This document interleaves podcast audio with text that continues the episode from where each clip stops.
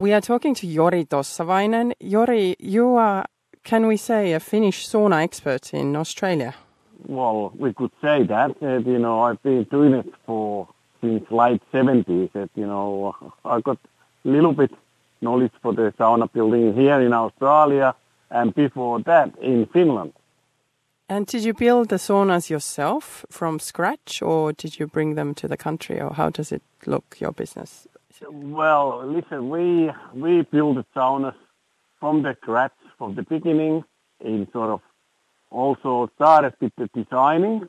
For the, a lot of the clients, we designed the uh, sauna and then we built it, and and then uh, when everything was ready to use, then uh, you know that was it. Our job was done, and then obviously. Uh, after service, we have to look after it too. You know, uh, the customers were happy with the product. And how did you get the idea to bring saunas to a country that feels like sauna at least half of the year, anyways? I've been, you know, brought up with the saunas since ever I was a little kid, and and then when we migrated, I uh, I'm a builder by the trade, and, and, and I decided that something has to be done. And obviously, beginning of here, I started working for the Finnish sauna company in Melbourne. Then when they finished up, late 80s, I started my own sauna business in 1991, which now I recently sold on you know, the end of the last year. And how receptive are Australians to this sauna idea?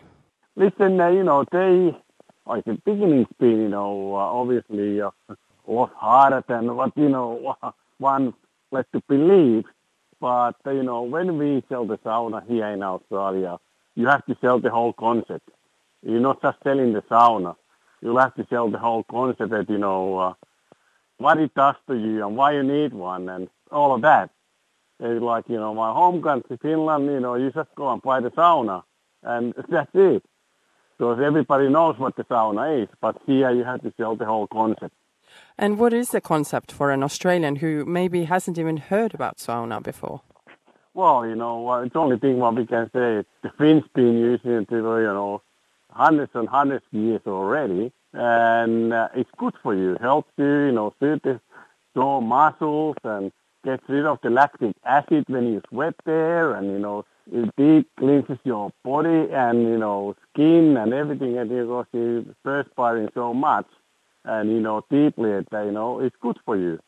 It's good for the insomnia and a lot of other things. And that's why we have to try to educate the people. And obviously uh, when people start getting interested for the sauna first of all it's through the sports centers and the centers and things like that where they try you know the public saunas are there any, um, do you know, are there any public saunas in Australia for general public to use, like there are some in Estonia and Finland? Or are they all sports related in a gym or somewhere? In Melbourne, I only know one, which is a uh, Japanese part operating in Collingwood. They sort of traditional Japanese fighting house with, with their hot baths and also then they got the Finnish saunas in there. Do you think there could be a public Finnish sauna for general public to use in Australia?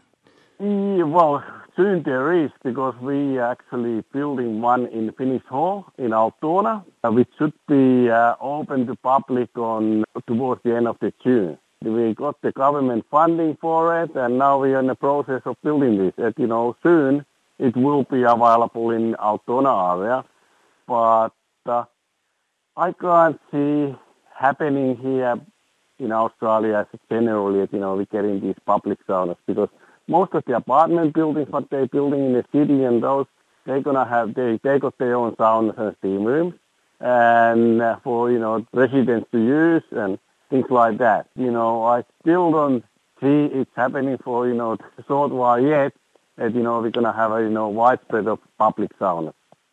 Some Estonians, particularly young travelers, have built their own saunas, and these range from a tent and some hot stones to a actual proper built sauna. How do you um, see these saunas that just pop up? Yeah, listen, I uh, I do happen to have myself in my house. I got the built-in sauna by the pool, but then I have a camping sauna as well, which is uh, you know the, like a tent with the uh, gas sauna heater inside, and yeah, it works well. And what I've had, you know, heard lots of different stories how they building the saunas, you know, temporary saunas here. Are there many safety regulations that you have to follow when in Australia when building a sauna? First of all, we got sauna regulations here and standards we have to follow, and they're pretty much the same as in Europe. You know, generally, it's normal, you know, normal building practice that anybody can do the sauna. Any, you know, handyman really can build one once we get the guidance to how to do it. What does the sauna culture future hold in Australia? Do you see uh, sauna becoming more popular among general Australians, or do you see it as a niche business? I think at the moment it's a niche business, but the last probably four or five years, the trend has, you know, sort of more become more and more popular. And nowadays, there's a lot more in the new buildings. Sauna is already drawn in. So when we go back about 10 years ago, it was very rare. And, you know, there was a customer coming with the house plans and sauna was designed into it. But nowadays, it's, you know, fairly common already that uh, sauna is planned as part of the building it means that, you know, obviously uh, people are more aware of it and, you know, they sort of accept the concept of the sauna and uh, they find out the, you know, benefits through it. It will grow, and especially the younger generation is more interested nowadays than, uh, than the older generation for the sauna. And uh, I hope, uh, you know, it comes wider trend, but as it is at the moment, it's still a very niche market. How often have you heard said that why do we need a sauna in Australia when the weather is so hot and feels like sauna anyways? Many times, many times. My answer to the people are, they listen, the hotter the weather, go and put the sauna on. So when you go to sauna, you know, the temperature 80 to 90 Celsius. And when you're coming out of it, you know, if even outside is 40 plus, it still feels a lot cooler than in the sauna uh, you know, it's not that bad after all. I find it out personally myself that, you know, uh, it's good for me when it's very hot outside to have a sauna. When talking about sauna culture, mm. how aware are Australians about actual what happens in sauna and the discomforts with nudity. Like different cultures have different perceptions, and we know Scandinavians are much more freer when it comes to nudity. And to have to kind of educate people in how to behave in sauna and what do you do in sauna as well. Well, you know, obviously, uh, when they got different uh, backgrounds, people, different nationalities, and things like that, different customs too. You know, only what we can tell is tell how we, as a Finns, how we take in a sauna part we go in there the nude and, and, and as a family unit. That's the sort of natural way to, uh, that's the way it is.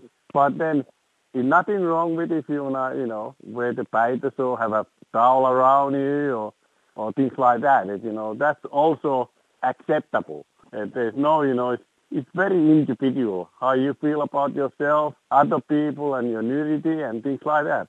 Thank you for talking about sauna culture in Australia. Finnish sauna expert Jori Tossavainen.